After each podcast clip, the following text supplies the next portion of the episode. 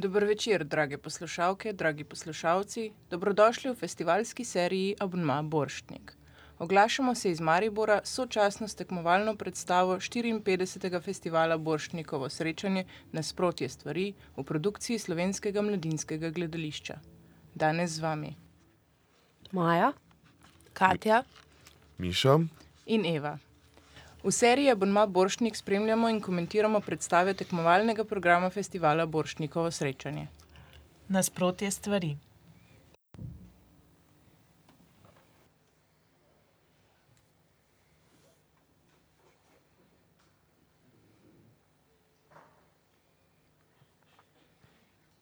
Ok, zdaj gledamo um, zatemnjen oder, samo, samo um, osvetljen je en mikrofon, v zadju pa se že pojavlja nekdo, samo še ne moram razbrati, kdo to in, je. in tudi napis je zadnji uh, na video projekciji, ki se je izpisoval.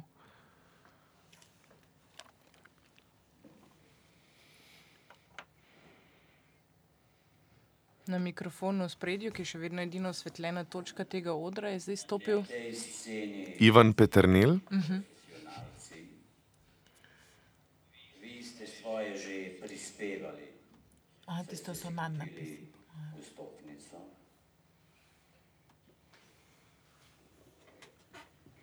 v rokah, drži ukulelo, Ja. kitarica. Ima pa en tak dolg, rjav plašč, kot trenčkot, ampak tak čist do tal. Sivo, je siva, blond, lasulja. Ja, ja. Taka Siva. bela, ne? blond, Tako, ja. Tole bo zdaj še malce trajalo, lahko greste še na stranišče, ampak zatem sledi tri ure popolne tišine. Zdaj pa, prosim, absolutna tišina.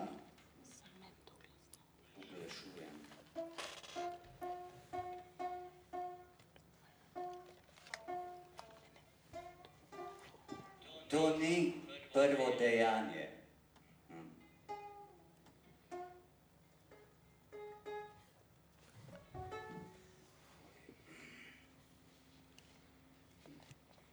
Kdo si je umil zobe, preden je prišel sem? A? Hm? Kdo se je po službi stuširal? A? Hm? A? Kdo ima službo? A? Kdo je prišel z avtom? Kdo je prišel s ta drugim avtom? Kdo si upa? A? A? A? Kdo ima doma varuško? Hm? Kdo ima sklenjeno stanovansko varčevanje? A? Kdo ima dodatno zavarovanje? A? Hm? Torej, on zdaj direktno nagovarja publiko, rahlo izzivalno in sprašuje o vseh teh nekih splošnih stvarih, za katere se smatra, da odgovorni odrasli ljudje jih počnejo. Um, Ja, Hkrati jih pa s takim učitajočim uh, glasom navrže, da boh ne daj, da imaš drugi avto ali stanovansko zavarovanje. tako, tako. Raje ne bi bil poseben. Raje ne bi razmišljal o tem, kar se bo kmalo zgodilo. Pa hecna podoba in ven petrnila z dolgo blond lasuljo.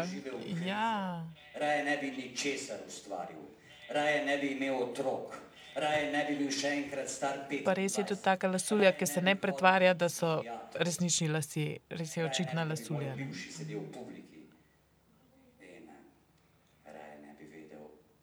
Človek bi rekel, ena taka iz Magic Shopa. Ne?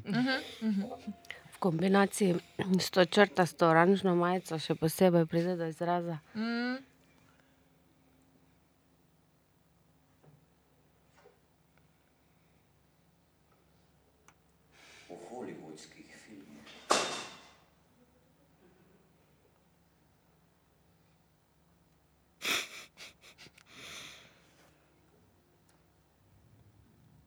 A Zdaj malo stresa s svojimi lasmi, Nek, nek, nek headbang.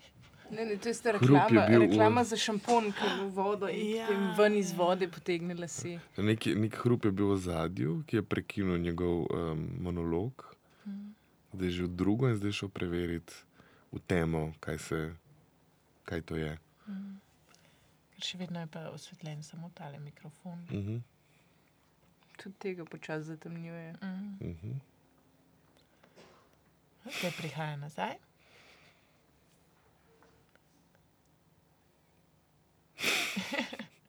In nadaljuje s svojim stresanjem las iz reklame za šampon. V hollywoodskih filmih obstaja tale znameniti prizor.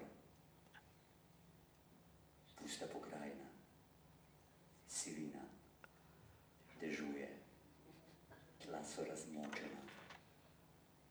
V ozadju vidimo razblinjajoče se stolpiče dima, ki so ostali po bitki. Slišimo posamezne strele. V spredju leva v sliki grm. Razločimo ležeče vojake. Počasen zasuk kamere v desno. Sivina tal se začenja mešati z rdečo. Pogledamo v strelski jarek. Tam v rokah tovariša leži umirajoč vojak. Srajco ima na prsih razpeto. Na suknji razločimo veliko strelno rano. Suknja okrog strelne rane je rdeče razcefrana. Tovariš ga vzame v naročje, reče mu, vse bo dobro. In umirajoči vojak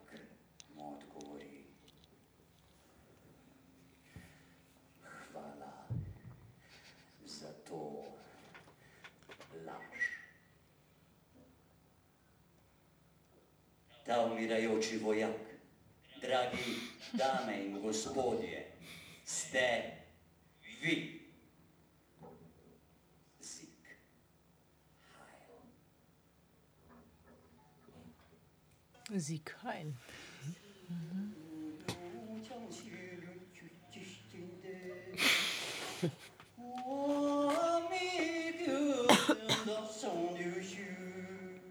Ali kitajske opere, ali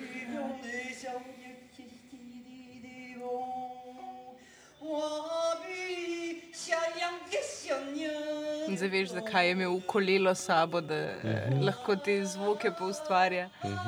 In To izvajanje je zelo tako um, ironično, že na meji uh, parodije. Ja. Ki pa je zdaj postalo že kar bolj hard rockersko, se malo prepleta. Lučna sprememba, igravci spreminjajo sceno, prinašajo scenske elemente na oder. Vidimo Blaža Šefa, Primoža Bezjaka, Tudi Staneta. uporabljajo različne načine hoje in prihodov.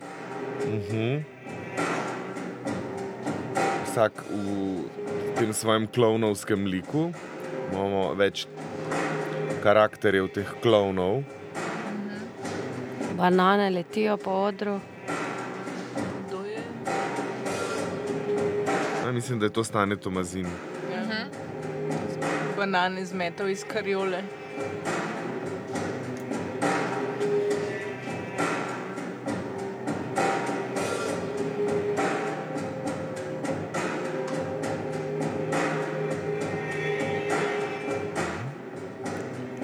Pred nami torej nastaja ena, ena, ena odrska podoba, ena scena, enih, ki je sestavljena v bistvu iz takih eh, ločenih scenskih elementov. Imamo eno mini hišo, vrata, samostoječa vrata, eh, mikrofone. Otroški voziček, Mhm. banane po tleh. Mhm. S tem, da v tem prehodu pa luči se menjajo in nekako ne- zelo je zatemnjeno, ni čist razločno zdaj, kaj kdo dela. Ne? Um, kdo je kdo. Je se neke vrste, to, lahko ne. bi rekli, en tak light show. Ne? Ja, ja. Pa še zamegljeno malo z Ja. meglo. Zdaj se je Slovenska zastava. Slovensko zastavo veliko slovensko zastavo. Ja, je prinesel ogromno slovensko zastavo. Na njega se prepoznane.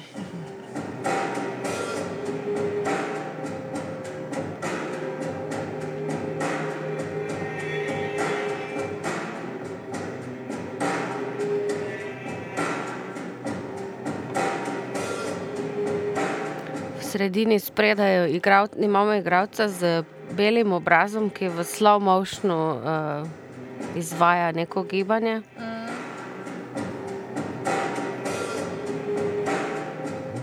Blašev je zdaj iz ozadja prinesel ogromno uh, vrtnico, Aha. orjaško, Plastično. plastično. Ja.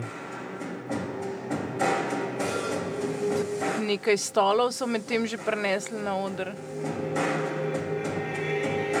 Aha, Zdaj je Blašev zajahu, tako kot čarovnica, metlo je zajahu to vrtnico. In, Z njo odskakljal z odra. ja. Medtem ima pa stane tam le v kotu lopato in aha, Nekaj je zab... zabijal tla. pri tem aha, menjavanju. ba- luči- glava je ta. Uh, Lutka, neka. tako lutka. Ja.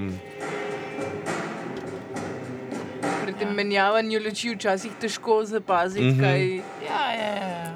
Ja, Zdaj primož Bezjak v blond lasuli z to orjaško slovensko zastavo um, v spredju, jo maha z njo. se prestopa, kot da bi ga tiščalo lule. Ja. V teh simpatičnih, uh, usnjenih, oprijetih hlačah. Posrečena podoba.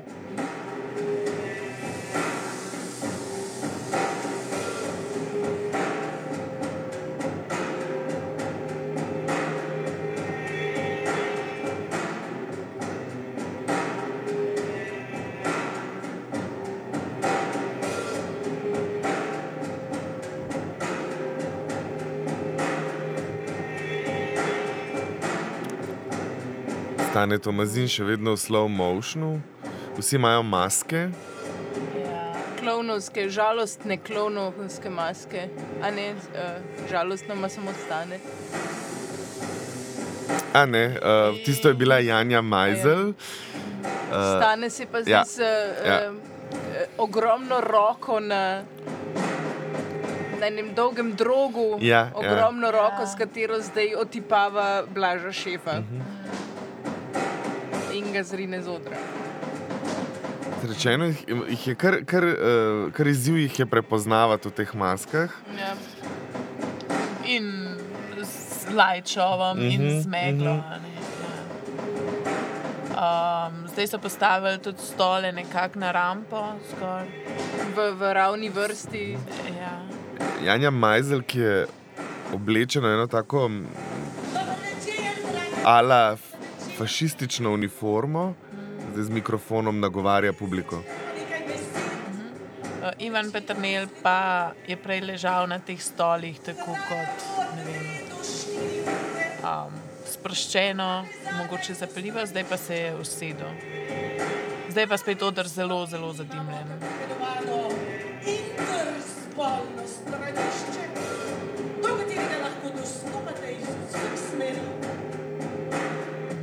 V, na desni strani je tudi nalepljen um, ta Znak. na list, ja, narisan z nekim flomastrom, znak. Um, Očitno za interspolna stranišča, ki jih Tako. je ravno omenjala jih je Janja. Majzel. Ja. Tako da imamo, ker to je bila pač seveda aktualna tema ne, uh, lani in predlani. Zdaj pa vsi sedijo na um, stolih, uh, luči so se ustavile, mislim, je zdaj ena Končno umirile. In... Tako lahko vidimo njihove obraze. Um, stane ima pač ga pobarvanega na belo, um, ostali pa nimajo mask. No.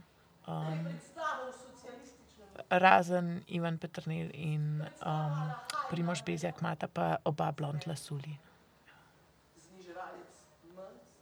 Kaj takega še ni bilo narejeno, vsaj ne za res. So pa oblečeni res vsak drugače. No. Mislim, Ampak si v neke vrste uniformo. ja, Vsi ja. imajo ob, zelo prijete hlače, zlasti mm. fantje, Janja niti ne toliko, ampak zgornji del imajo pa vsi če, čez majico neke, nek neke uniformo. je, ja, ja, mislim, ja. ki neki tudi pri, prinese neke asociacije. Ne, v bistvu. Niso to neke random oblike. Um, ja. Ni več. Delavke in delavci danes volijo desno, zelo desno. Zelo, zelo. Zelo, zelo, um, zelo uh, pomenljive stvari, ne, teme zdaj le odpirajo. Ne. Odpirajo, bom rekel, trenutne nevralgične točke v družbi. se raje ukvarja sama s seboj. In od tu tudi ideja narediti nekaj novega. Namreč predstavo iz fašistične perspektive, oziroma iz perspektive fašista. v bistvu, kako čuti fašist. Ali fašistka. Pri čemer, in to je tukaj zelo važno, ne bi šlo za to, da bi iz take osebe želeli. Ali fašistka in bila šef je pokazal na se. Ja, ker on tudi, mislim, govorijo zelo na tak nek um, prisiljen način. Ne? Ni to zdaj neka naravna, realistična igra, kako bi rekla. Da ne bi zapadli klasičen stereotip okorelega, Um, na ta nek prisilno priliznjen način. Ali bele bi v to, temveč da bi tako osebo osvetlili vse njeni kompleksnosti. Njega ali njo bi vzeli resno. No, ker je seveda z igralskega vidika krasen izziv.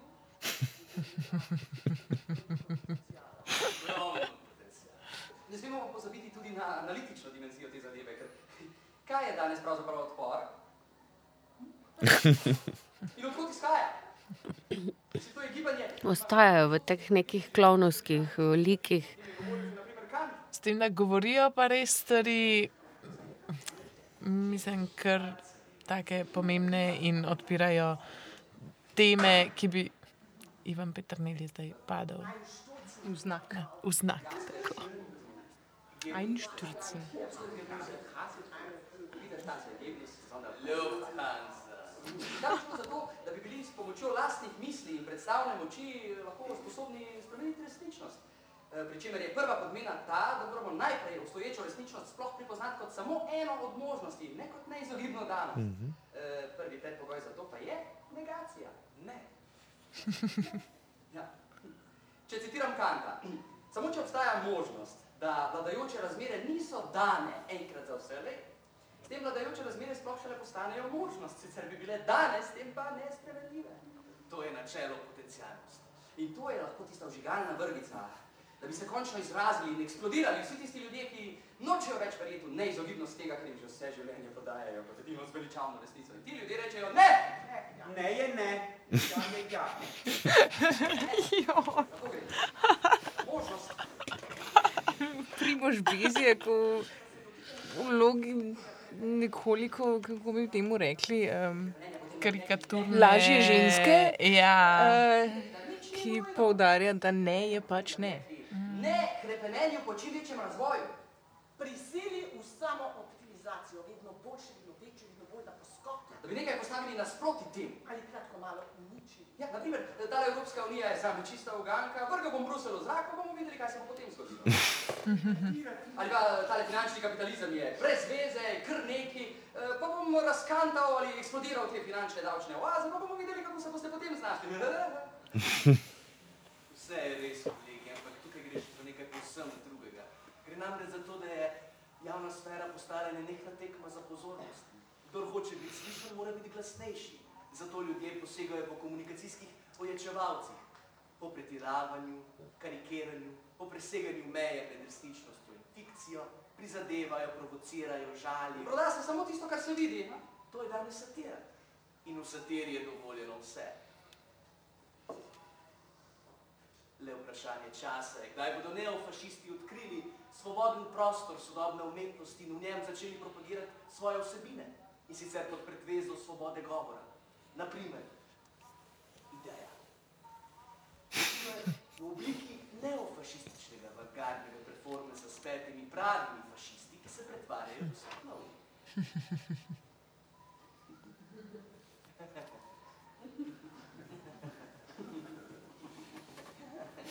Ideja.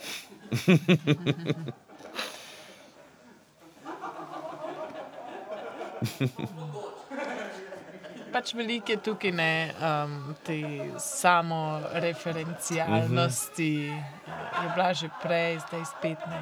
Se mi zdi, da se bo tudi ponavljala. Predvsem eh, vzbuditi dvom, kaj je resnica, kaj ni, Ja. kaj je fikcija. Ja. Zdaj so se premaknili v, v zadnji del odra, kjer ima že pripravljene inštrumente in mikrofone in bojo odšpilali. In, en Kot komad. nek rock band, ki dajo Mhm, mhm. tipični, ne, kitara, bas, kitara, bobni, synthesizer in pevec, um, plaši na mikrofonu.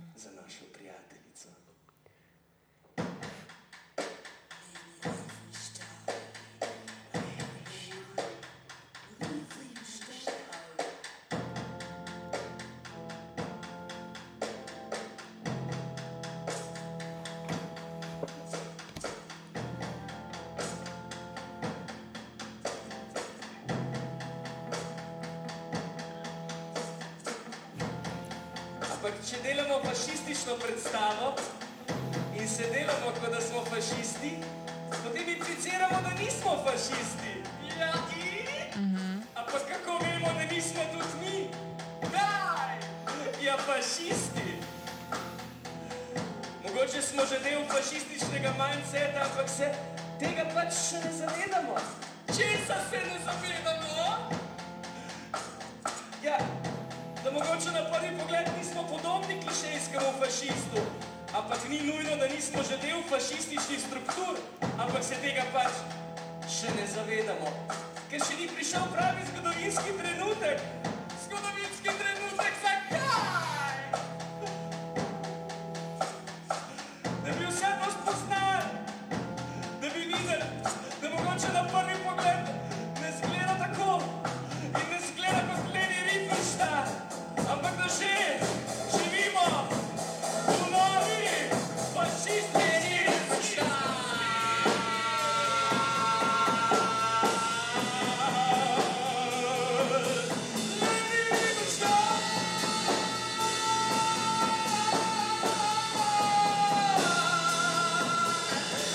Torej, ja, zdaj po postavljanju teh, eh, se mi zdi, zelo, zelo zanimivih in bistvenih in provokativnih vprašanj, mm. uh, potem tudi v, v tem komadu, ki je tudi posvečen tej prijateljici, vemo, da je to pač Leni Riefenstahl. Ne, kot, mm.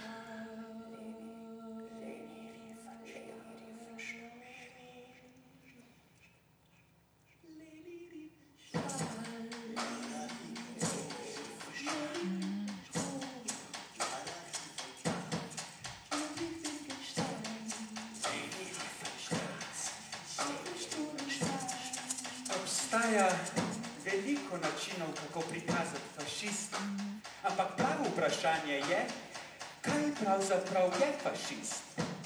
Zagotovo imate vsi takoj kakšno podobo v mislih. Ja, ja, in dejansko je vprašanje, kako je videti avantgardni fašist? Kaj počne avantgardni fašist? Ja, to je dobro vprašanje. Moj odgovor je, treba ga je prikazati pri upravljanju vsakodnevnih opravil, nekaj, kar vsi počnemo. Avantgardni fašist bi lahko likal nogavice, pomival posodo, surfal po internetu, lahko bi peljal psa na sprehod. Ja, ali pa upravljal veliko potrebo, lahko bi štrikal. Lahko... Ja, štrikal. S, T, R, I, K, A, L. Treba fašista prikazati drugače kot stereotipno, bi ga ali jo lahko prikazali medtem ko štrika. Ja, nasilje je za fašista stereotipno. Ampak globoko v njegovi duši oziroma v notranjosti se skriva tudi duša. Ja, to je človek, ki si želi biti priznan, ampak tega nikoli ne dobi, ker okolica misli, da je zloben. Verjetno zato, ker je kdaj storil kaj slabega.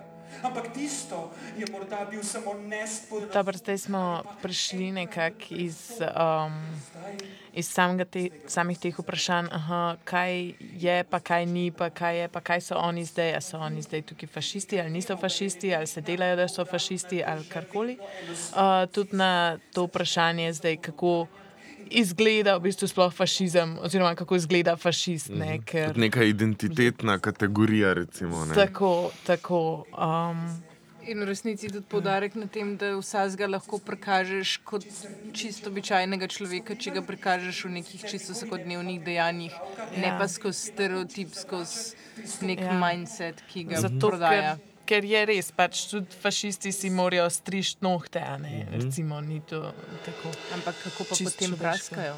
Aha, to pa pa je.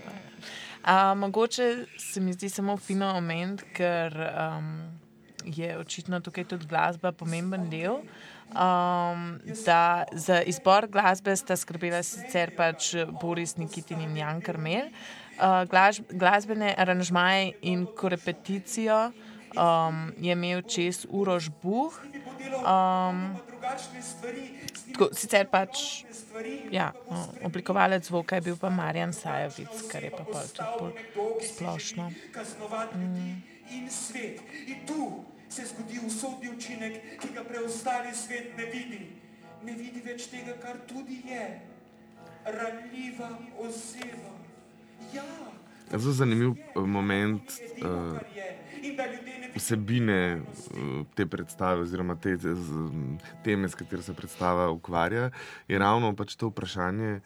Um, Problem preseganja statusa quo uh -huh, uh -huh. in fašizma kot v bistvu avantgarde, oziroma neoavantgarde, torej eh, nekega gibanja, ki v bistvu je nek boj proti temu statusu quo. Prav- Zelo, zelo mi je všeč ta, ta neka, to neko poigravanje s tem, uh, skozi plusom uh, in minusom, no, ki ga vzpostavljajo. Ker tudi v končni fazi res to, kar je prej govoril šef, recimo, da opozori na v bistvu človeškost uh -huh. fašista, uh -huh. človeka, ki je tudi človek, uh -huh. ki ima neka uh -huh. čustva in uh -huh. tako naprej. Hkrati. In s tem nekako že skoraj vzbudi neko apatijo, ampak hkrati pa še vedno ostaja v tej klovnovski vlogi. Tako da tudi to pol uh -huh. doda pa neko distanco, uh -huh. ne? da se hkrati pa zavedaš, aha, uh -huh. ki je zdaj tukaj, a je to zdaj iskreno ali je cinizem, uh -huh. ali uh -huh. kaj se zdaj tukaj dogaja. je to trolanje ali ni tako, trolanje? Tako, ja. ja. Pravzaprav nek eh, tisti stereotipni fašist, ki si ga predstavljaš, ga ne vidiš. Ne? Mhm, Ja, mhm. ja. Um, aha, zdaj so se spet vsi posedli za uh, stole. Na stole. Kar je, no, če smo prej omenili kostume, se mi zdi tudi zanimivo, to, da imajo vsak pač nek čist drug, neko uniformo, ne, s tem, da nimajo vsi iste, da bi izgledali, ampak hkrati so pa tudi dost um, sproščene te uniforme. Mislim, rekalce nosijo ne zdaj kot da bojo polikane, ampak čist kot, kot bi neko jopco. Tako, tako, ja. um, tako da lahko še omenimo uh, kostumografki in oblikovalki mask, uh, va, ki sta bili Vanja Duran. Đuran in Leja Bratušek. In ravno kar so slekli uniforme. A, ravno kar so slikli uniforme, pa res. In si vzel pletilke in volno in bodo, in bodo plet štrikali. bojo, Ja. Treba prikazati fašista, ko štrika, si si slišal. Tudi vsak svojo barvo volne, da nam ne rata dolg čas. eh, Tako, tako maurične barve volne. Ravno zadnjič sem brala, uh, ne direkt fašisti, ampak nacisti, oziroma nacionalsocialisti v Nemčiji, ki so po. Uh, zapirali, uh, če smo bili pri Maurici, uh -huh. ki so zapirali homoseksualce po zakonu, ne vem katerem že, uh -huh. um, ki je veljal do leta 94. To sem pa slišala, ja. 1994, isti zakon, po katerem so uh -huh. nacisti, zatiravci uh -huh. zapirali ljudi.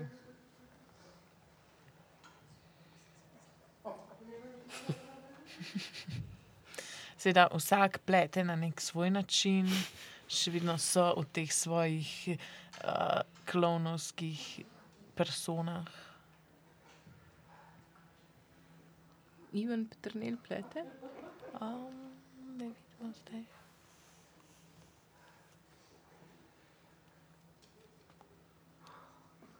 Pa res ne plete.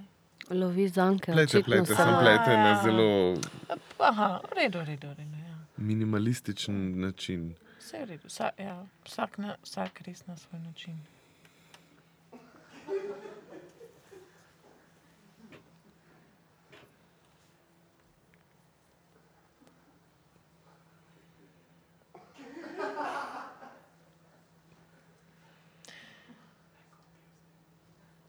Ampak hkrati, recimo, name so že zdaj kar mal vplivali, ker tukaj zdaj slišimo malo smeha iz publike, pa moram reči, da se meni tudi zdi kar komičen ta prizor.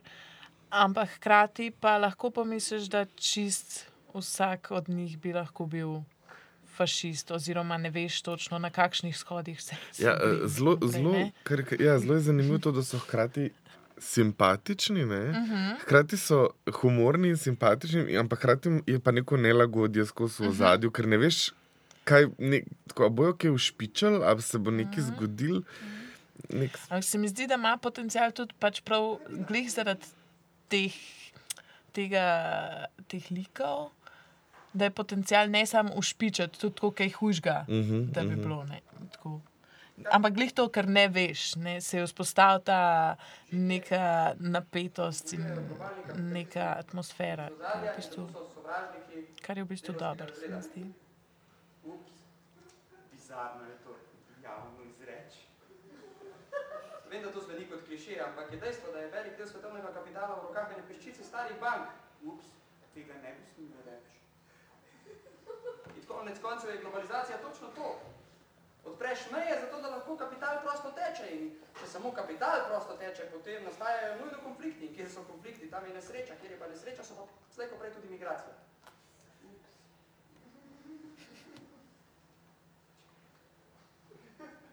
Mednarodnost današnjega sveta je nevarna, ker je popolnoma... Je Peternil prevzel štrikarije od Staneta z namenom. Moramo ampak spet zanimiv uvod v fašistični diskurs skozi v bistvu neka dejstva, ki, ki jih ne moremo zanikati. Ne? Z- Spet zelo specifično, ne? zelo inteligentno tudi narejeno. Super so speljali. Ampak to, da se pretvarjamo, da biologija ne obstaja, pač ni ezoterično. Ja, razpravljati o prisilni enotnosti, to res nima nobenega smisla. Ženska naj ostane ženska. Točno zato je zahodna družba na robu prepada. Preplavili nas bodo migranti, med katerimi je dovolj pravilno vzgojenih pravih moških, ki seksajo, ne pa prijateljujejo ženskami. Seksajo. In seveda, seveda je ok, če se geji poročajo. Ampak ne morem si predstavljati, da Ja, tudi vse te izjave, ne, se mi zdi, so delujejo kar. Se mi zdi, kakor, ko, ko vidimo take izjave v javnosti, so hkrati komične, ampak tudi tragične, zaradi tega, ker, ker so res. Mislim, ker pa to, to pa ljudje zares govorijo. Ne. Ja, to, ja, ker tukaj ne gre samo za neke izjave v javnost, Mhm. v, mislim, v smislu ne vem, nekih javnih oseb, ampak za čist neke vsakdanje. Ja, ja, ja, saj to tukaj mislim v v tem javnosti, tekstu tako, slišim ja, ja. ja. Ja, prav neke utrinke tudi nekih stvari, ki jih jaz v vsakdanjem življenju Mhm. od različnih oseb slišim. Ne.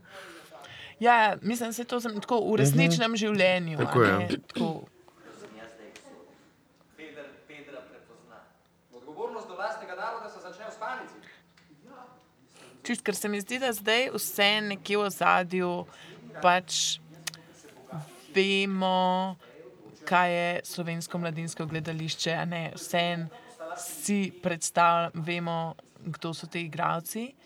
In to, kar oni govorijo, vse vemo, vsaj zaenkrat še, da je to v sklopu predstave, ampak glih ta element zavedanja, da je to v bistvu to resnično, je pa srhljiv.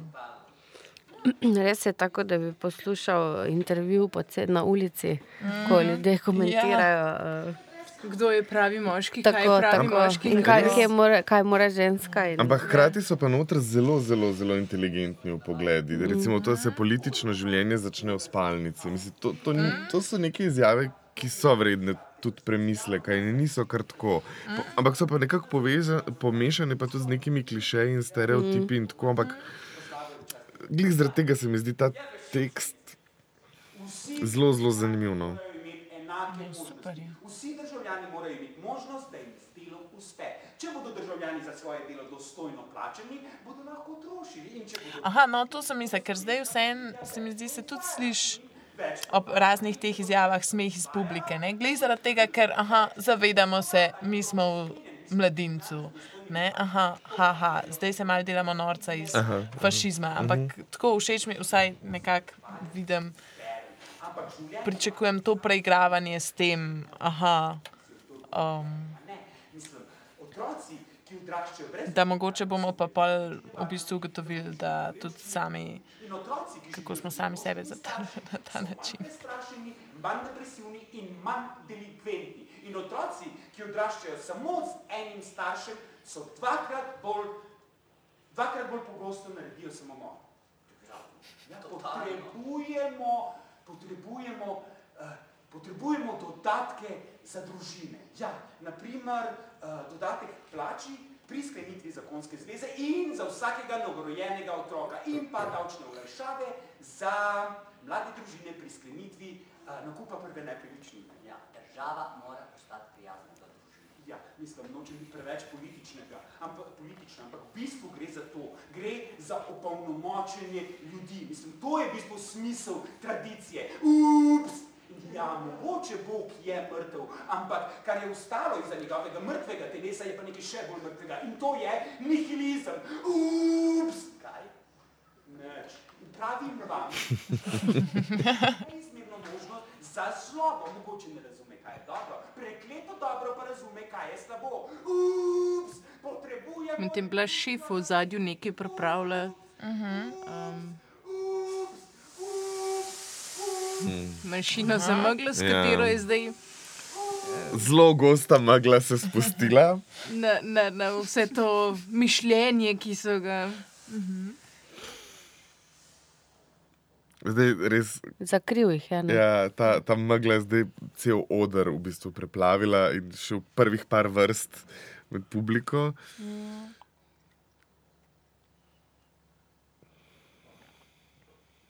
Ja, da se ne bojo čutili prekrajšani.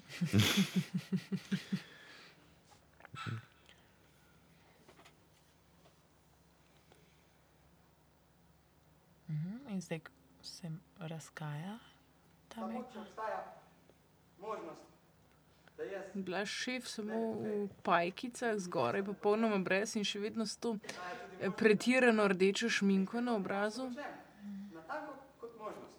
Sicer bi bilo vse, kar tukaj počnem, nujno.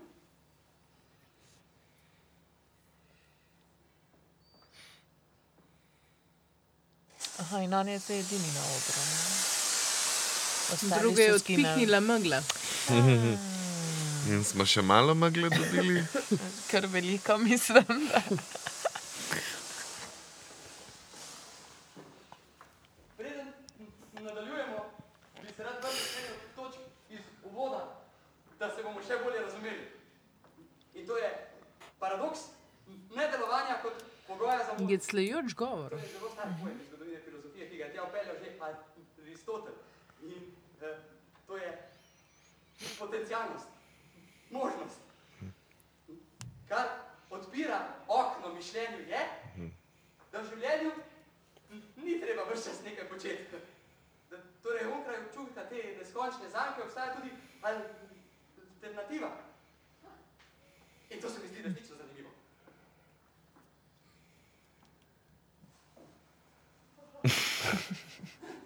Še malo meglice spustil.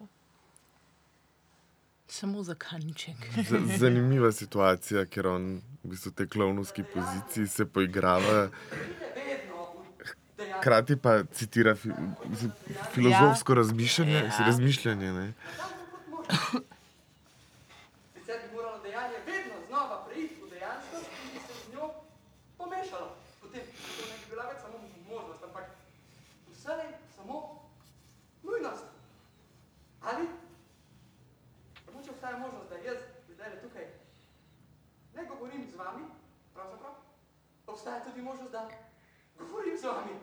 Natanko kot možnost, sicer bi moral vse čas prvo izvajati besedilo. Ali, samo če obstaja možnost, da tele balane tudi ne zalučam v vas, obstaja možnost, da jo zalučam. Natanko kot možnost. Jaz sem malo razočarana, da je banana plastična. Če obstaja možnost, na vseh teh bananinih golubkih ne spodrsne, obstaja možnost, da mi na enem pa dejansko spodrsne. Natanko kot možnost, sicer bi mi moralo nujno spodrsniti na vseh teh bananinih golubkih. Ali?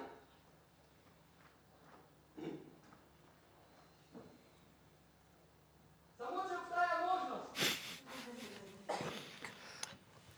Zdaj nekako Zdaj šel to, nekam. to filozofijo v prakso pretvarja. Ne? Ja. Aha, zdaj je prinesel um, nek kovček. obstaja tudi možnost, da dejansko eksplodira enkrat. Zdaj bi moral nujno eksplodirati vedno. Vidite? Enkrat je eksplodiral. Ali?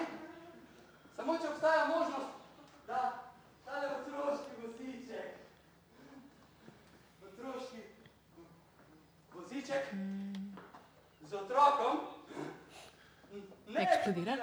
vedno, obstaja tudi možnost, da dejansko pa eksplodira. Natanko kot možnost. Sicer bi moral nujno eksplodirati vedno, ad infinitum. Ja, ful dobro gre to stopnjevanje uh -huh, ne, teh praktičnih primerov, da nas bo res pripeljal do Ali nečesa. Ja, očitno ne, če dojenček še ni eksplodiral. Ja.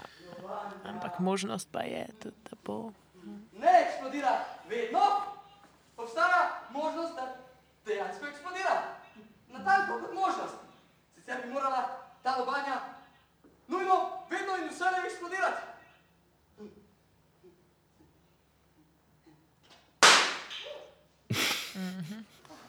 Ta dojenček. Zdaj in dojenček in lobanja eksplodira. Ja. Evo ti mind blown. Luksta pozicija. Ja. v naravi ne eksplodira vedno, kadar jo srečate, obstaja tudi možnost, da dejansko eksplodira. Natanko kot možnost, sicer bi morala nujno eksplodirati vedno, vselej in posod. Ja. Vidite, samo enkrat je eksplodirala. Ali samo če obstaja možnost, da tale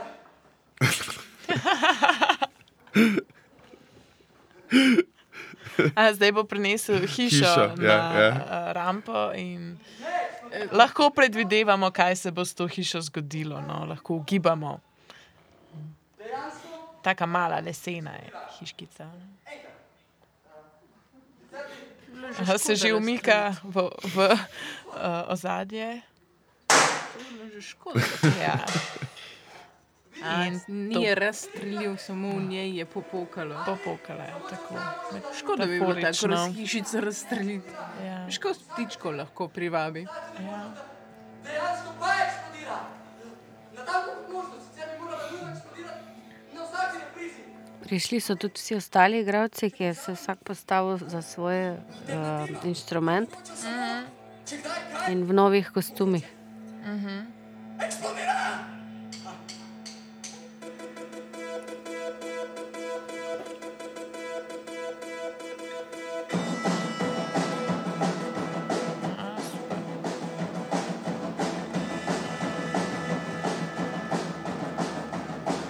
S tem, da tudi ti kostumi so kar mogoče še malo bolj um, fašistični kot tisti prej. Mm -hmm. Že malo bolj militantni Ja, ja. grozeči od tistih prejšnjih, se že stopnjuje. Estetika se je že malo radikalizirala. Tako. Gas maska, ne? Ja, ampak prižemo zadaj ima pa samo eno lakasto.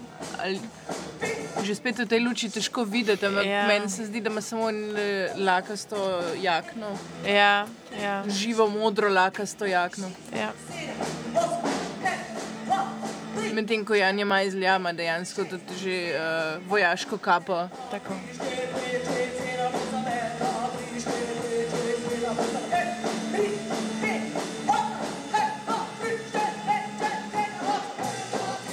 Je v bistvu uh, neke vrste punk komad na temo nekih vojaške koračnice, ne, ker, je, ker je štetje. Ja. Tak, Ja, ja, to zelo- 80s, ne? Ja, Um, militantno. Ja. Lahko bi bil tudi plesni korak, štejejo do 8.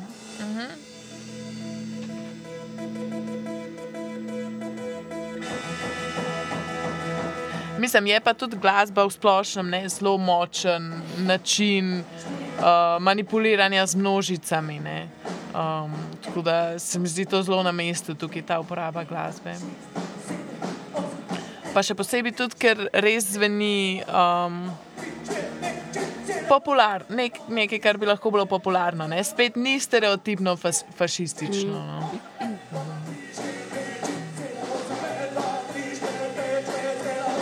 Mislim, seveda je očitno tudi ta, očiten tudi ta element, ne, ampak.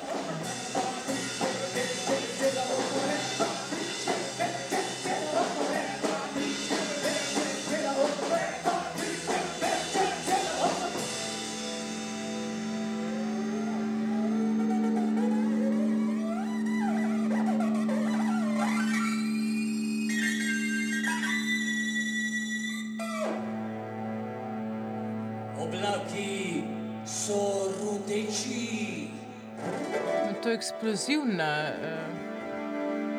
Leipču. A, pa ja, možno. Ali se Definitivno je nekaj vo- vojaškega. Pomenijo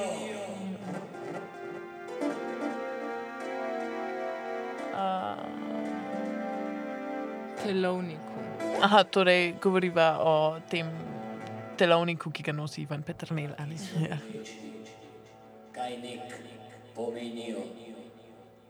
Da vsi ti mladi fantje na vojsko pojdejo. Oblaki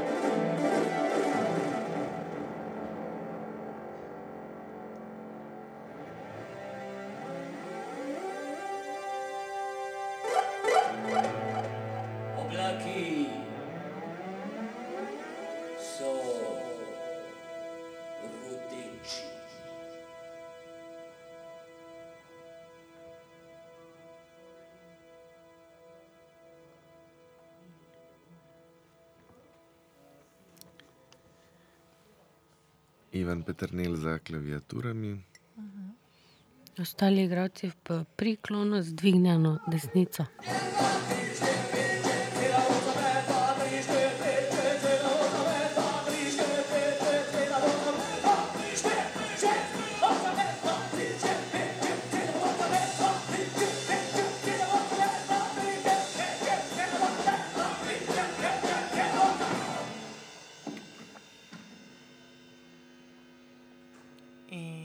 Zdaj grejo dol iz odra.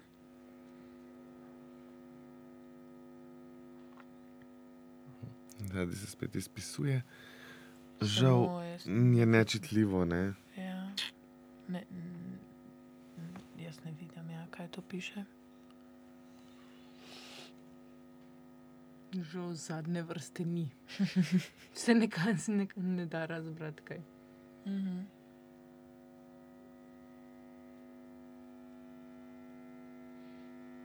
Okay, zdaj je prišel Primož Bezjak, s čikom v roki, nadaljuje s zapeljivim, zapeljivo hojo.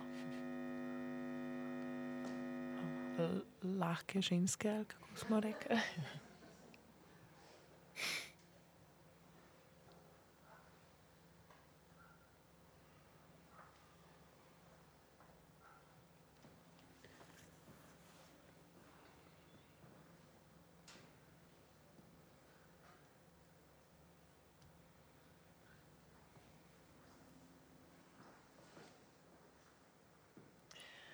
In zdaj je privlekel na oder to stojalo z uh, veliko različnimi Kostumi. o- kostumi.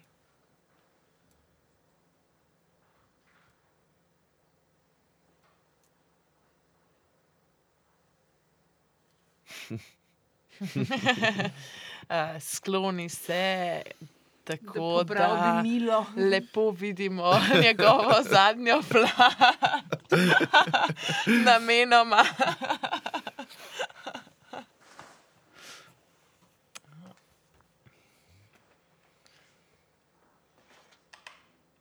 Zdaj se slači in uh, najbrž bo hm, zdaj že zbira nekaj novega iz tega, mm, iz teh oblek, ki so se ravno kar pripeljale na oder.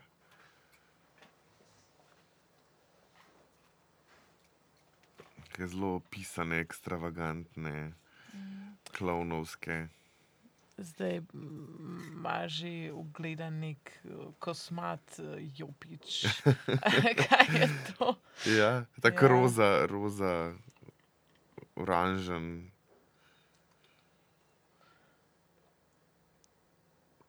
Delovnik. Telovnik, uh Mhm. -huh. lajbič. Ja. Ja, največ. Aha, seveda pa hkrati je malo pogleduje. Spogledljivo proti publiki, se tudi zaveda se, ja, znebil se je lasulje, ampak zaveda se, da je opazovan. No. Um, zaveda se, da je. Ja, ima njegovo zdaj, ima novo opazovano. lasuljo. Rdečo. Ima a ne? Rdečo, zdaj ni več Ja. ja. blond, zdaj je rdeč.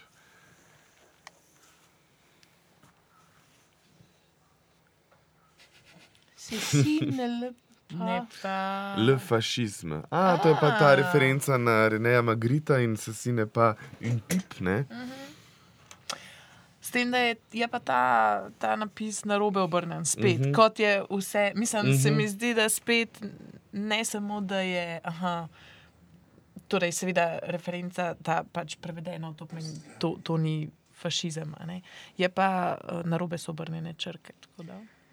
Dobrodošli v našem gledališču.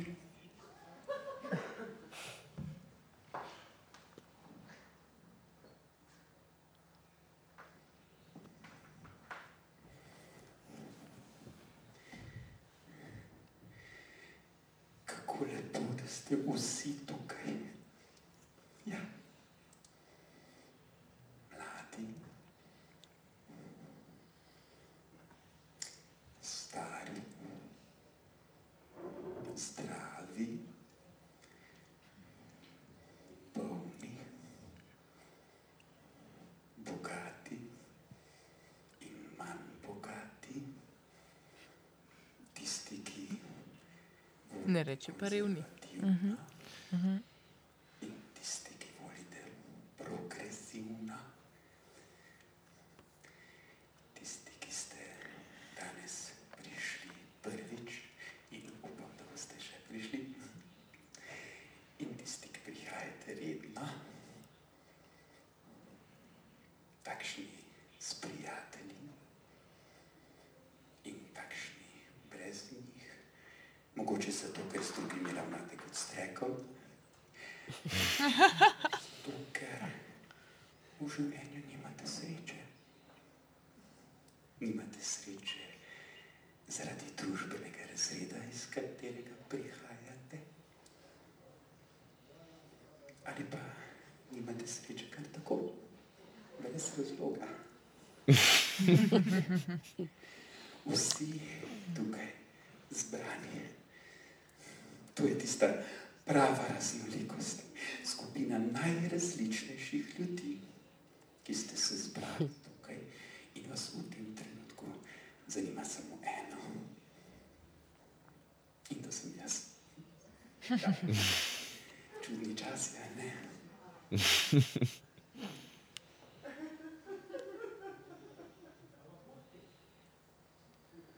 A, zdaj je prišel za sintetizer eh, Blaž Šef, ki bo očitno nekaj zaigral. Poskrbel za glasbeno podlago. Tako, da bo lahko Primož, kaj Primož zapela. pel. Jezu, jezen. Promet, jezen, mediji. Spet se mi zdi ful zanimiv, mislim, in ful dobra, dober način interpretacije uh -huh. teksta, kombinacija teksta in kombinacija tega, kako govori uh -huh. in kaj dela zraven. To je super.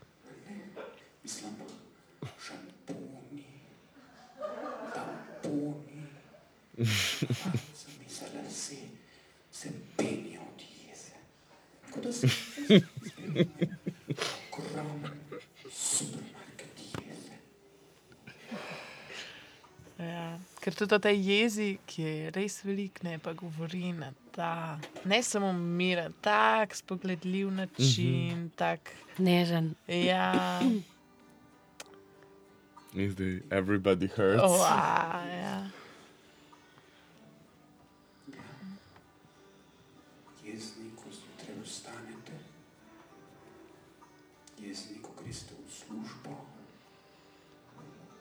Jezni, ko se srečate s kolegi, jezni, ko greste v trgovino, jezni, ko ste doma. Jezni, In se mi zdi, da so to spet taka vprašanja, na katera bi medtem veliko, veliko ljudi te svojo, lahko odgovorili: ja, ja, to sem jaz, točno to res je. v katerih Skozi sem jezen. čujete Mhm. vezo. Ja. Spiritualisti, guruji, škofi, papeži, imami, Všeč mi je vokal Blaža Šefa pri interpretaciji te pesmi. nogometaši, prijatelji, zvestniki, zvezde enodnevnice, igravci, brez pesniki. Vsi polni jezni. V bistvu pa si vsi želimo samo eno. Da bi lahko bili ranljivi. Kakšna čudovita fikcija, a ne? Biti ranljiv. Predstavljajte si, da bi končno premagali strah pred drugimi. Da ne bi bili več pragmatični, zato ker nas je strah, da bomo pred drugimi izpadli kot idioti. Vedno se hočemo skriti. Skriti, skriti, skriti, skriti, skriti, skriti. skriti. Ampak predstavljajte si, da bi končno lahko pokazali, da se staramo, da lahko zborimo, pokazali, da smo smrtni. Ne bi bilo to nekaj čudovitega? Mislim, to naraščanje in glasbe in njegovega govora, malo več znesenosti je res, res učinkovito, no. Tudi ostali se zdaj vračajo na oder, lahko samo ugibaš, a se bojo pr pridružili vokalno ali z inštrumenti. Ali... Mi vsi skupaj in se bomo povsem odprli drug drugemu. Ha? Ja, človek človeku, fašist fašistu. Ko smo obraze naših sosedov in jih naenkrat zagledali ne kot tekmece, ne kot grožnjo za svoj lasten obstoj, ampak kot nekaj tako krhkega, kot smo mi sami.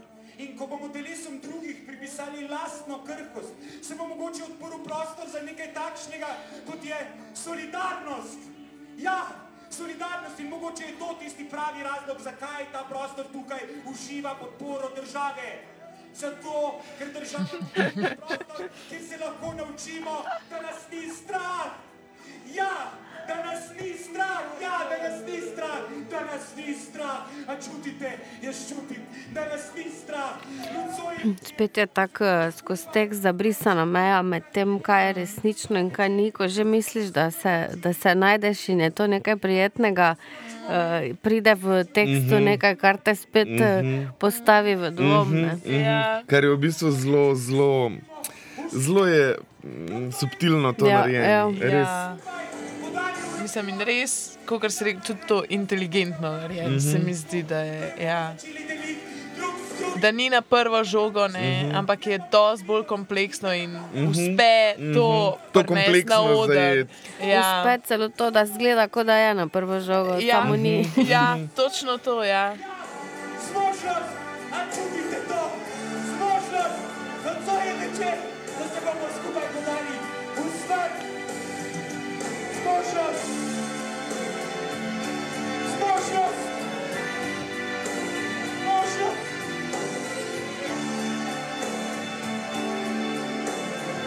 Zdaj ga je prekinil uh, Ivan Petrnel. Uh, in zdaj se. S poljubom. S poljubom, ja, s poljubom ga je prekinil.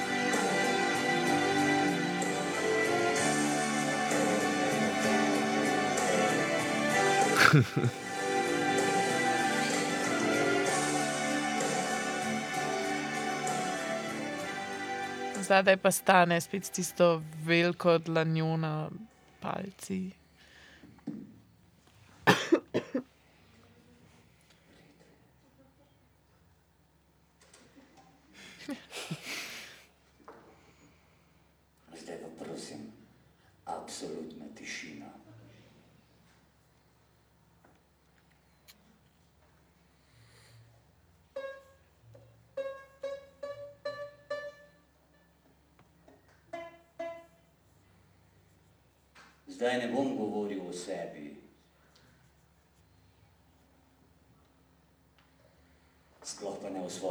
Poklicu, ki ga opravljam že 25 let. Ne bom govoril o tem, kaj si mislim o resničnosti, ki se bo kmalo sprevrgla v nekaj povsem nedoumljivega in zlobnega.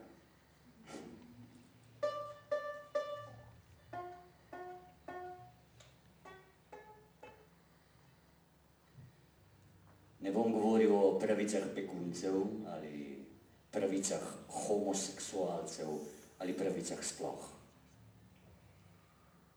Ne bom govoril o islamofobiji ali arachnofobiji, agorafobiji, To je Ja. homofobiji, zelo blizu.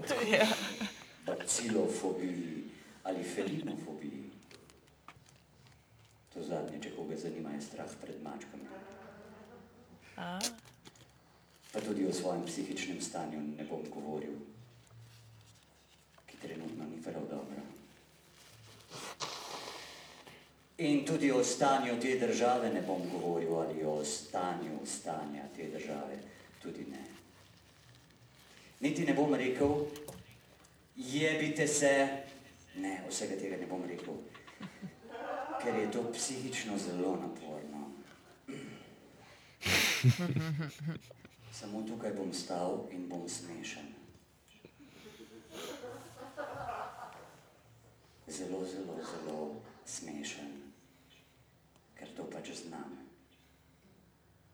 ker sem se to pač naučil, ker je to moj poklic.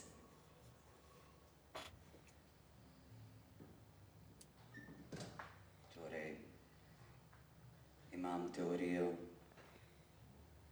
Hecno je, je taka pojava, da čeprav ima oni čez to lasuljo plavalno kapo čez, v resnici precej normalno deluje. Cela pojava je tako bizarna, da ta plavalna kapa sploh ne. Ja. Da Kot neke vrste kapo, klobuk, kakorkoli dojemaš in te sploh ne zmoti, da ne spada sem. Gledalci so v napetem pričakovanju, čakajo na comic relief, na trenutek, ko se bo vse skupaj obrnilo v šalo. Komik pa še kar govori v mikrofon. In gledalci čakajo, in čakajo, in oni čakajo, in začenjajo izgubljati živce tega comic reliefa. Pa še kar ni, in ni, in ni, in počasi se jim začne svitati, da ga tudi ne bo. Ho, ho, ho.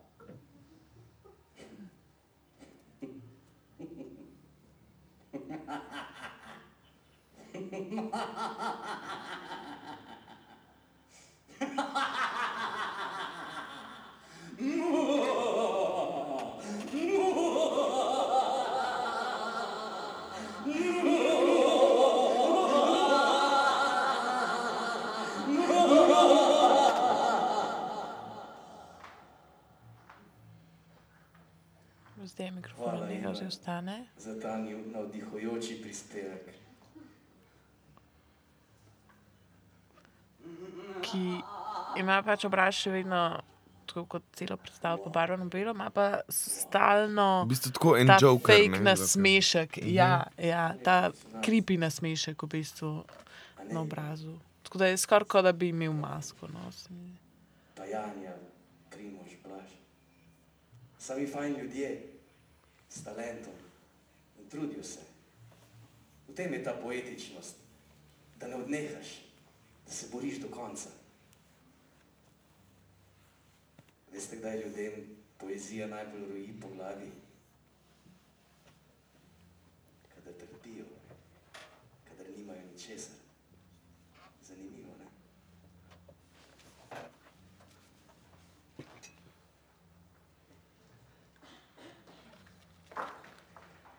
Trpljenje nas dela pesnike.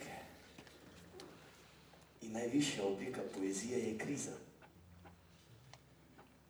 Če imam krizo, naj duš dame gospodje, da se mi dogaja cel kup poetičnih stvari. Takrat začnem ustvarjati zase, izlijem svojo dušo ven na plano in ustvarim novo. No, ne bi zdaj o tem preveč v podrobnosti. E, Je pa jasno, da živimo v kriznih časih. Ampak kriza, je? Kriza je, kadar v bistvu nimam nič od niča.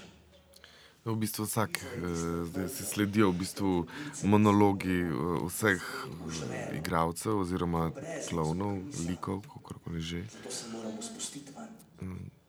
To je V bistvu govorijo vsak nekako iz neke druge perspektive, ampak o zelo podobnih stvareh. Ali pa, bum, zdaj sem pa zmagal. In spet z dosti neke samorefleksije Ne gre za to, ali um, in referenč, samoreferenčnosti. Da se spet pospneš ven iz tega brezna. Kot orfe iz podzemlja. No, čeprav on s tem ni ničesar pridobil. Samo takrat, samo če spet prilezemo ven, samo takrat nam je uspelo. Ker v tej močvari ni pravil. Ničesar, ne zakonov, nečesa drugega. Samo takrat, ko prilezemo na plan iz tega niča, samo takrat lahko resnično smo. To je prava poezija. V tem je naša edinstvena tragedija.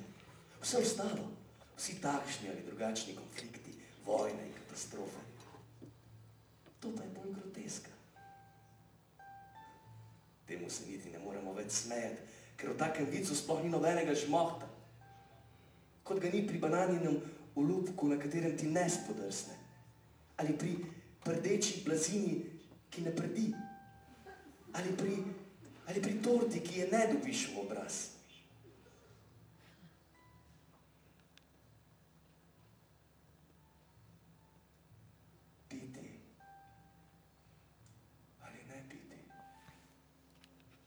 Potem pa nekdo pride mimo in ti poči torto v obraz. To je groteska, to prekine proces in tako je naše življenje.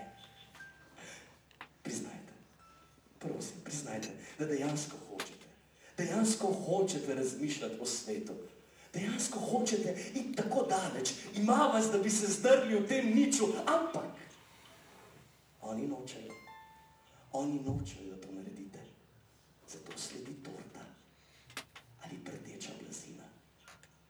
Predstavljajte si, kako lepo je vse zaranžirano. Na oder pride Hamlet, biti ali ne biti. Potem pa se usede na prdečo blazino. Ali pa olupek. Na oder pride Hamlet, biti ali.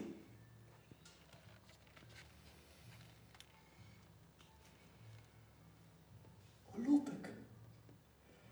In vse je tako natančno tempirano, da potem, ko ti je spodrsnilo na olupku, še z obrazom pikiraš naravnost v tisto torto. In veš, da je bil ta prizor bolj za en kurec, ampak kar sledi je pa še bolj v kurcu. Se veš, da te nekje v naslednjem prizoru čaka še blazina. In to, drage dame in gospodje, je sistem, v katerem trenutno živimo.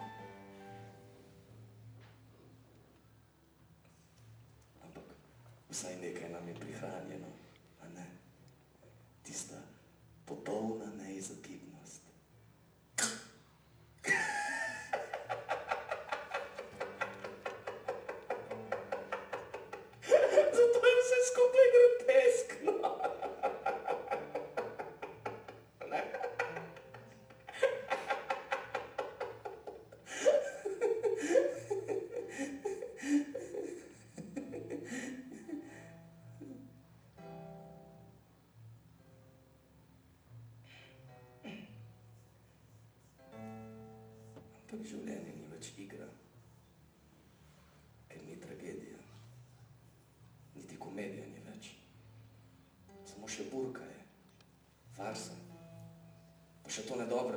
bila, zakaj bi bila satira?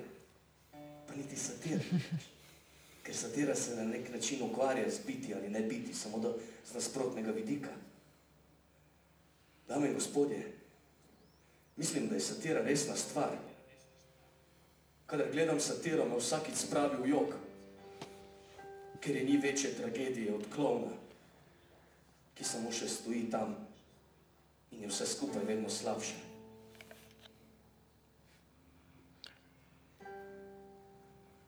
Zdaj tudi malo preroško sem me spomnil na ta film brez Mislim, se ga nisem še gledala, ampak se ga je treba razsekati na drobno. govor o klovnu in o tem, če je življenje tragedija ali komedija ali burka ali farsa ali satira. In ker to ni zadosti, moram pepel in ostanke popularna tematika. In ker to ni zadosti, skopljem luknjo in jih vržem vanjo. In potem mogoče to luknjo še zasujem. In ker to ni zadosti, si odprem šlic in se tja poščijem na ostanke telesa. S temi okoliščinami se moramo ukvarjati, dame in gospodje. To je to. In vsako naše dejanje menda nekaj pomeni. Nad temi mrtvimi telesi se nasilno znašamo, ker se ne morejo več braniti, ker je to naša kaprica, ker to potrebujemo, ker je vsak dan je kot dihanje in pitje. In potem moramo od časa do časa ubiti nekoga in posiliti telo, ki tam leži. To je ta absurd, to je ta groteska. Ker vem, ja, zdaj sem jaz na vrsti. Zdaj me bodo razsekali, razčetverili, razstrelili na prafaktorje, zažgali, požrli in me posrali. Kaj je tista najvišja stopnja ponižanja? Kaj naredim sovražniku, če ga hočem res ponižati? Ubijem ga in ga preprosto požrem. Sovražnika ubijem v telo in ga potem z vsem telesom spet izločim. To je tista najvišja stopnja ponižanja. Ker sovražnika popolnoma izločim iz sistema. Dobesedno sovražnika izserjem, izčijem in izšvicam. Sovražnika spremenimo kup dreka, scanja in švica. In to, drage dame in gospodje, je češnica na torti.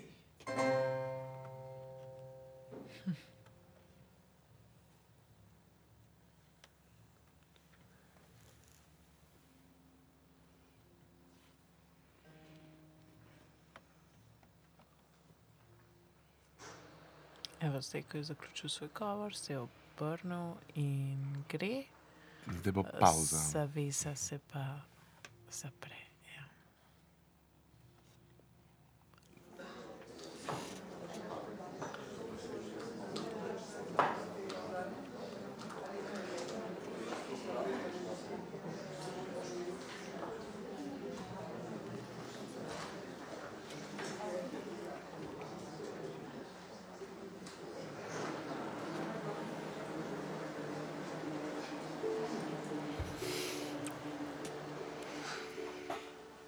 In smo nazaj po pauzi.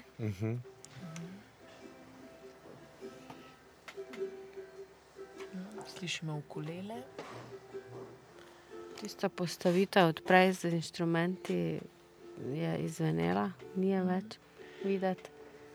Zdaj pa v spredju sedi Janja Majzel, nevrjetno. Mhm. Um, na stolu, zadnji so pa trije, in eden od njih igra na ukulele. Tiste bele pajkice so zihar bila še. Tako to vem, ampak za druga dva pa. pa ukulelo ima Ivan, Mhm. torej moramo identificirati samo še en. Mislim, da je sta, stane. Stane. Ja. Okay. Osvetljena je pa Janja. No? Na desni Najbolj. spredaj pa kup kostumov. Tako, na tleh. Stojala za mikrofone so, za, stojala so na tleh. Uh -huh. Prevrnjena. Bila je prazna.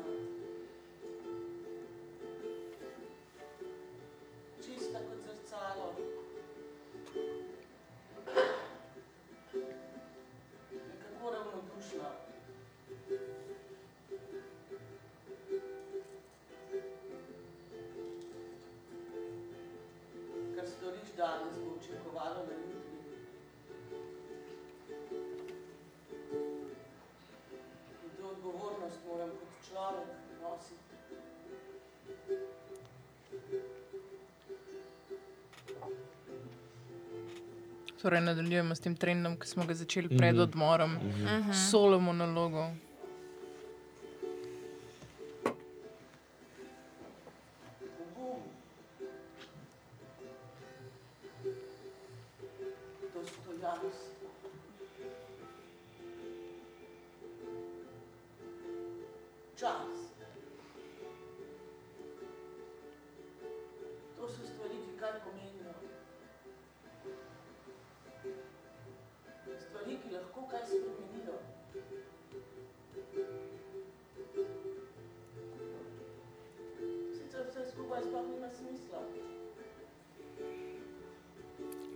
Večino elementov, ki je prej bila, so podrti na tleh, recimo mikrofoni. Veš.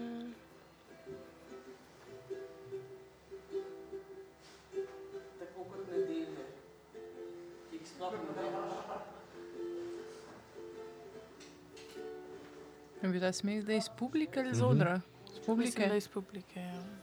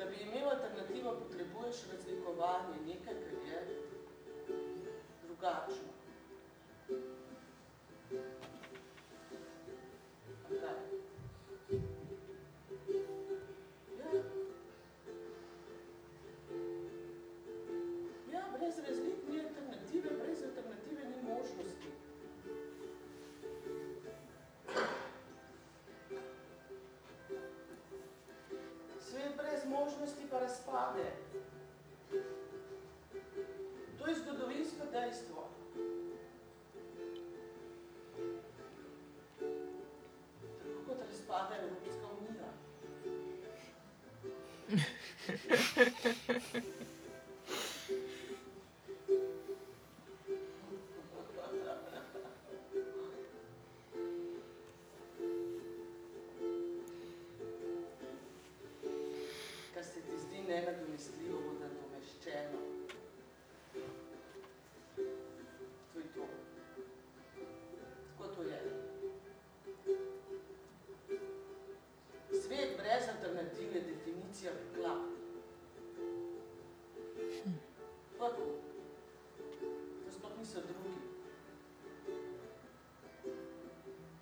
To je stanje, ko drugega sploh več ni.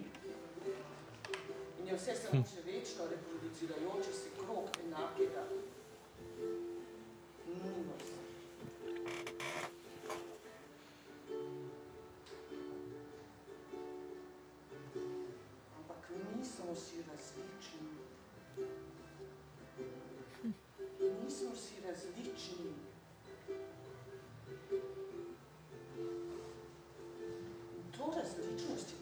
Treba končno razumeti.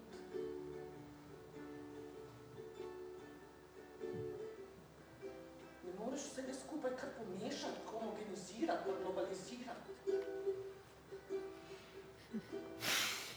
In spet, spet imamo um, Ta moment. tako, Ja. tako momenti, ko, ko, ko padeš noter, ko se prepoznaš v marsičem, kar govori, um, in pol pridejo take ven, ko v bistvu ugotoviš, da um,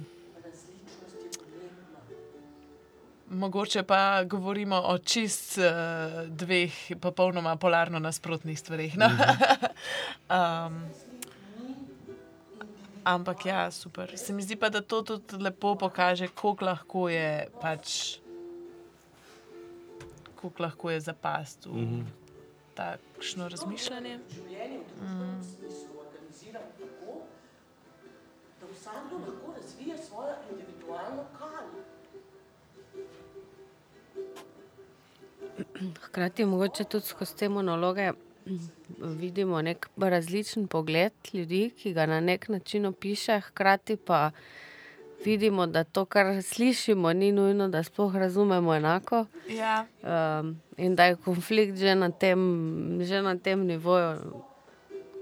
Bolj kot govorimo, da je vse bolj mora biti individualno, hkrati ne vemo, kaj sploh to je. Ja, ja. V vsakem od nas tiči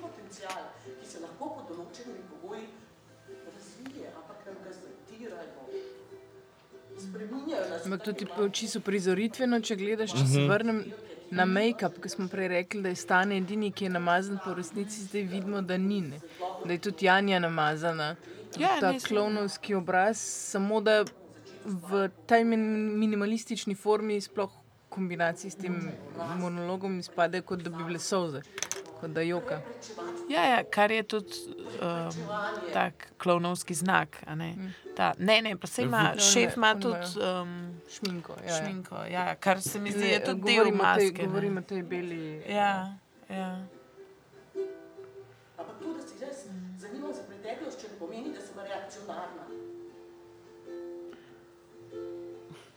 Ja, jaz ljubim zgodovino, čeprav mi zgodovina te ljubezni ne vrača, zato ker je spolitizirana. Zanimivo je, da je recimo ta um, sentiment, kako je štartala Janja, oziroma njen lik, ta monolog, ta neka zatrtost, mm. depresija, ta res obup. In zdaj vse bolj nekako kot neka agitatorka zgleda. Skozi pogleduje okrog, če jo kdo sliši, nek, nek strah je vsem prisoten, ampak zdaj kar nagovarja publiko, hoče jih na nek način aktivirati, pa tudi samo sebe. Ne? Kar se mi zdi, da spet, kot smo bili že prej pričano v tej predstavi, očitno jim ful dobro uspeva ta prehod. a ne, Da v bistvu sploh ne opaziš, čakaj, malo, kdaj se je pa to zgodilo, kdaj je ona postala ta agitatorka, ker nekako je prešla v to. Ne. Prej smo jo razumeli, aha, na začetku smo z njo še pač. Se nam lahko smili, vse razumemo, in pa kar naenkrat, ja, pride to. Nočem se več bati. Tako kot fašizem. Ne? Mhm, točno to je. Ja. Zdaj mora obstajati nek način, da to življenje enostavno samo zdržimo. Vsak človek hoče samo to, kar mu pripada. Ja, ker glih to pokaže, ne, da ni sam tako, da aha, pride Adolf Hitler in pol kar naenkrat so vsi naciji, ampak glih to postopnost. Znikne ne. iz nekega čist minimalnega. Tako. In v bistvu človeškega čustva, mislim, tako, no, iz nekih človeških čustev vse en to izvira.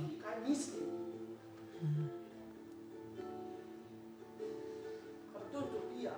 Svoboda, da lahko poveš svobodno, kar si misliš na glas, da te vsi slišijo. In ne, prisluhnejo, da te drugi sploh želijo slišati, da te slišijo. Vedno so drugi, eni in drugi. Ljudi lahko razde- razdelimo na dve skupini, tiste, ki vladajo in tiste, ki se jim vlada. Tisti, ki imajo moč in tisti, ki je nimajo.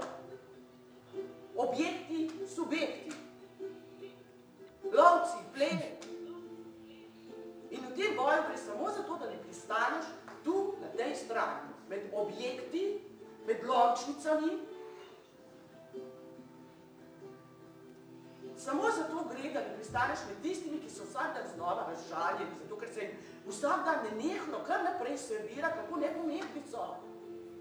Kako se od njih čisto nič ne pričakuje. No, seveda razen tega, da se ravnajo po točno določenih pravilih, zato ker vseeno nekdo pa mora služiti svetu, a ne? In svet je za te ljudi postal čista prisilna delavnica. Popolnoma samoumevno je, da sem svojo edinstveno življenjsko priložnost podaril na trajnik. Ja, no, zdaj sem pa socialistka.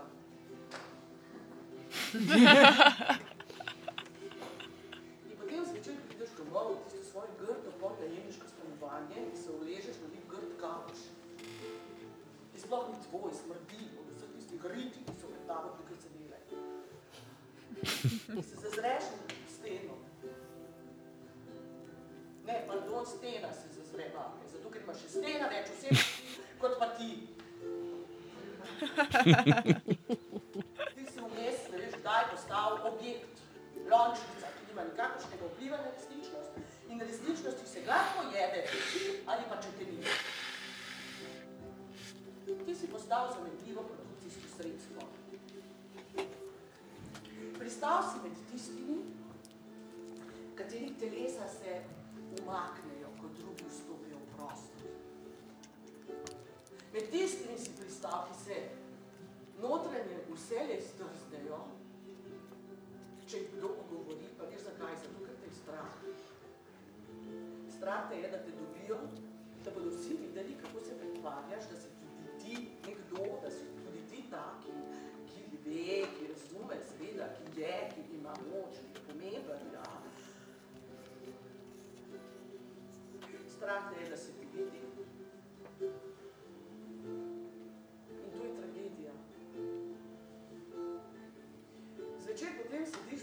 svojim jajcem na oko in tisto steno, ki te gleda. Si tako neskončno utrujen od tega napora pretvarjanja. Ne moreš več, utrujen si. No, čeprav malo si pa vseeno vesel, ker danes ti je pa le uspelo,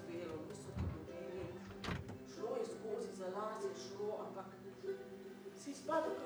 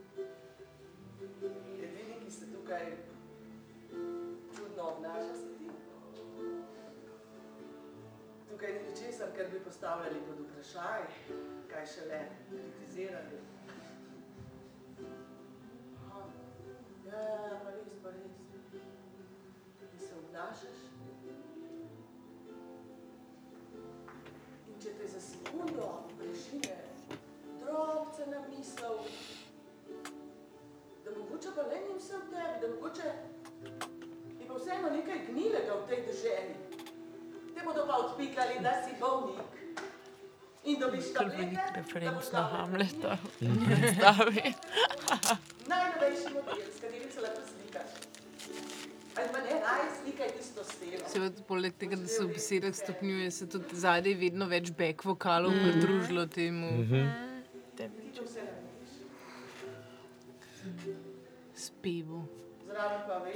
Ja, ker zdaj tudi uh, Janja ne sedi več, ne? zdaj stoji na. Um, Na sredini Na odra in sredini, direktno nagovarja publiko.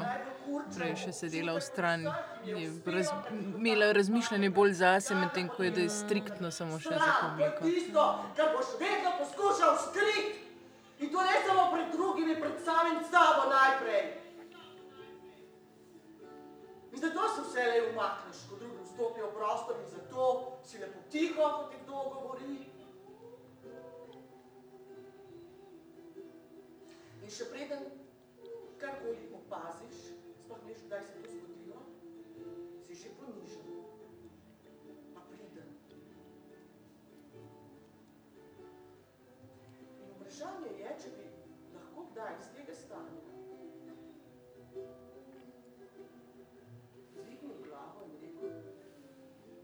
Je pa zanimivo, kako je šla predstava od začetka, ko se je začela zelo dinamično, s Mhm. scenografijo, z v zdaj čist strogo pripovedno formo.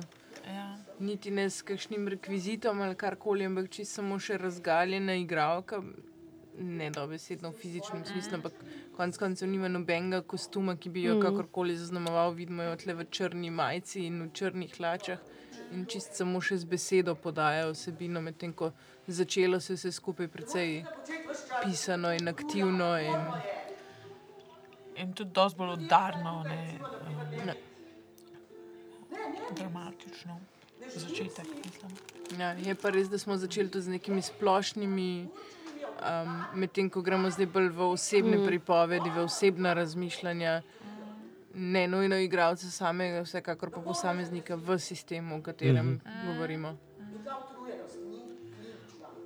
In kjer tudi potem vidimo, kako ta nek splošni politični sistem pronica v intimo, a ne v bistvu vsakega posameznika, ne? da to ni ločeno. Um, Da tudi če zraven štrikam, bo sistem Ja. še vedno. Mhm. tako, tako.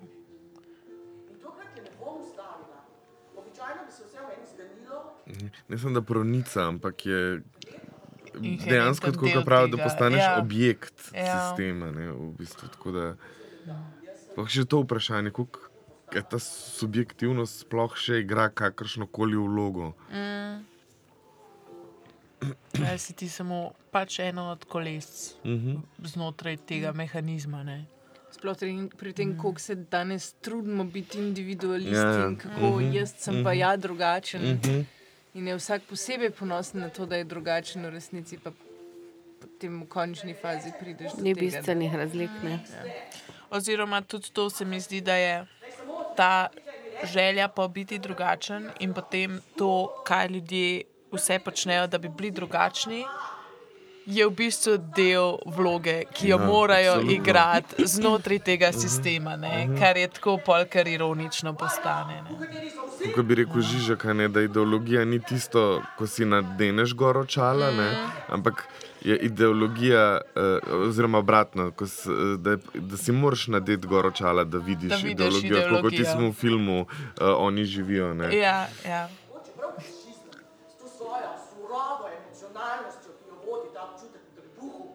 Še edina strategija, ki nam je ostala, edina strategija, ki jo imamo v boju proti tej hladni racionalnosti tega globalnega kapitalizma. Sploh nima več druge. Samo še to nam ostane. Pa veš zakaj? Zato, ker fašizem se ne zanima za, uh, za racionalno. To je zato, ker To je elaborated verzija vsakega političnega slogana predvoli, predvolilnega.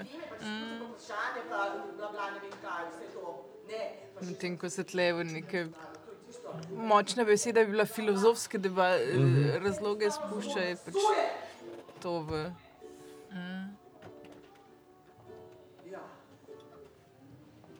dajo to v, na jumbo plakate v precej pre, bolj preprosti obliki, zato da prepričajo voljivce, ampak eh, Ja. namera vsebina sta pač čisto isti. Isto, ja.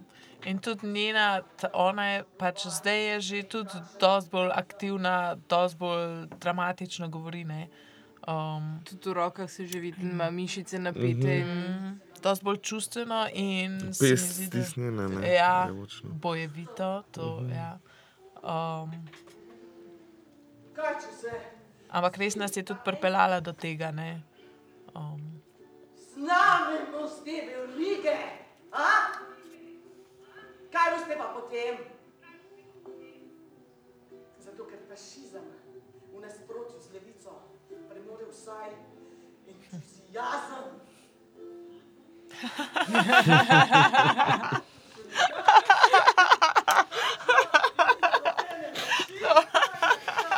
Še ena resnica. ja, ja. svojo moralno premočjo. Namesto, da bi se povezala z nami, ki premoremo entuzijazem.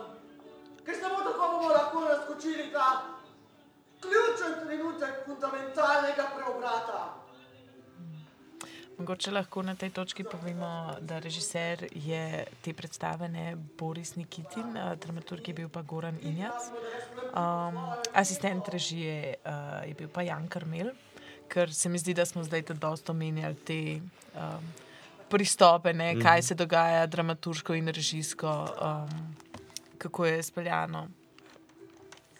Mm.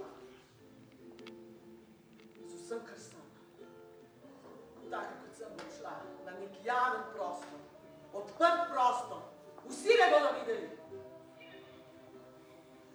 In bom šla s tem svojim telesom, s tem svojim obrazom,